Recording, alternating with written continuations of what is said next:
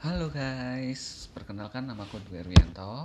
Biasa dipanggil Dwi ini adalah rekaman pertamaku. Di sini aku mau bercerita tentang kehidupan pribadi aku dulu ya, sebelum aku memulai podcast bersama beberapa narasumber di next podcast. Aku adalah anak bungsu dari tiga bersaudara. Aku punya dua kakak perempuan. Sewaktu kecil aku adalah anak yang sangat manja. Apa pun yang aku ingin harus dituruti.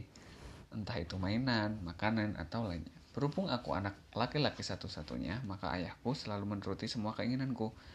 Tetapi waktu berubah di tahun 2003.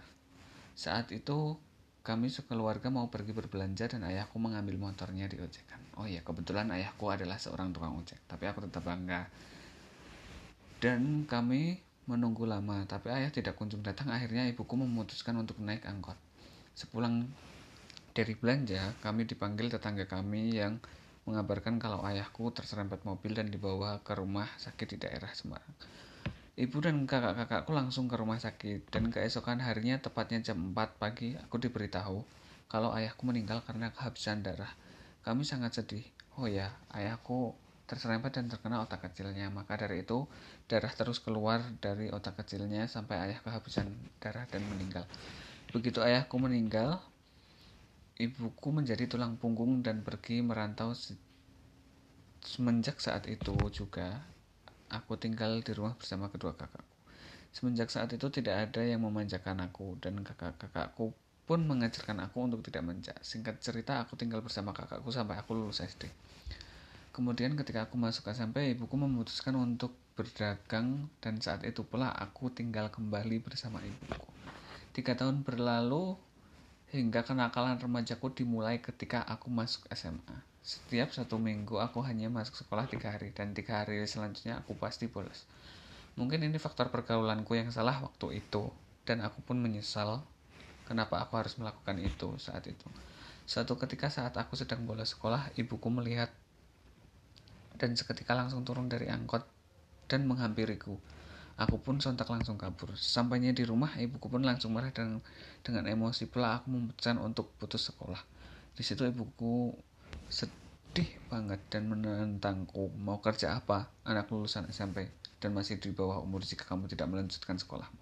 Aku pun tetap bersikeras untuk tidak melanjutkan sekolahku. Aku tidak memperdulikan hingga akhirnya aku merantau ke Kalimantan. Di sana aku bekerja sebagai karyawan lahan di sebuah perkebunan sawit. Di sinilah bagiku kehidupan sebenarnya dimulai. Ternyata kerja itu capek dan berat banget. Hingga terkadang aku menangis karena kelelahan. Di sini aku bertemu dengan orang berhati malaikat yang sekarang juga menjadi orang tua angkatku. Mereka selalu menasihatiku agar melanjutkan pendidikanku. Lagi karena aku masih muda dan juga masih terlalu muda untuk bekerja keras di sawit.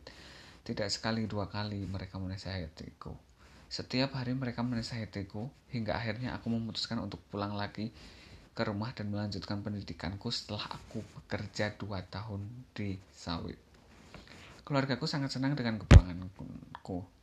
Aku juga bilang kalau aku mau sekolah lagi, akhirnya aku pun melanjutkan pendidikanku meskipun pendidikan kesetaraan atau kejar paket C. Dan kakakku pun selalu memberi semangat padaku dan juga bilang pokoknya kamu harus jadi orang, harus kuliah, harus membuat keluarga bangga. Selang beberapa bulan, kakakku kedua meninggal karena penyakit komplikasi. Di situ aku mulai malas dan tidak punya gairah lagi untuk sekolah. Tapi aku ingat pesan almarhumah agar membuat keluarga bangga hingga akhirnya aku lulus dari pendidikan kesetaraan. Setelah lulus dari pendidikan kesetaraan, aku ingin berkuliah lagi. Tapi aku sadar kuliah itu biayanya mahal dan akhirnya aku bekerja di sebuah pekerjaan garmen di Kabupaten Semarang. Aku bekerja sebagai operator sewing dan mendapat gaji setiap bulannya. Hingga aku memutuskan untuk kuliah sambil kerja. Ini semua agar keluargaku dan almarhumah khususnya bangga denganku. Akhirnya hari-hari berat ku jalani, kuliah sambil kerja. Berat juga, sempat ingin menyerah di tengah jalan. Tapi aku selalu ingat pesan almarhumah dan ke pesan keluargaku, juga keluarga angkatku bahwa pendidikan itu sangat penting untuk masa depanmu. Akhirnya sebisa mungkin aku jalani pagi sampai malam aku kerja lembur pulang lembur aku bikin tugas sampai larut malam kadang sampai subuh di weekend barulah aku kuliah karena aku kuliahnya ambil kelas karyawan jadi kuliahnya setiap hari Sabtu dan Minggu begitu hari-hariku keluargaku dan teman-teman kerjaku selalu mendukungku hingga akhirnya aku berhasil menyelesaikan pendidikanku dan aku diwisuda di sana Rasa lelah, pusing, dan lainnya terobati ketika aku melihat keluargaku, terutama ibuku. Senyum bahagia melihat keberhasilan pendidikanku. Aku bangga dan terharu di dalam hatiku. Ketika melihat air mata yang menetes dari keluargaku adalah air mata kebahagiaan karena keberhasilanku, bukan air mata kesedihan seperti waktu aku memutuskan untuk putus sekolah dulu. Nah, sedikit cerita biografiku itu. Semoga kalian suka dengan ceritaku. Next, aku akan buat podcast dengan beberapa narasumber yang semoga bisa menginspirasi kalian. Dan semoga kalian bisa selalu senang mendengarkan curhatanku.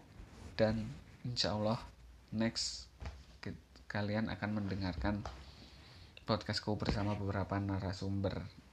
Baik itu dari teman-temanku, dari siapalah nanti biar bisa menjadi motivasi untuk ke depanku. Terima kasih telah mendengarkan karyaku yang masih amatir hari ini. Semoga kalian suka.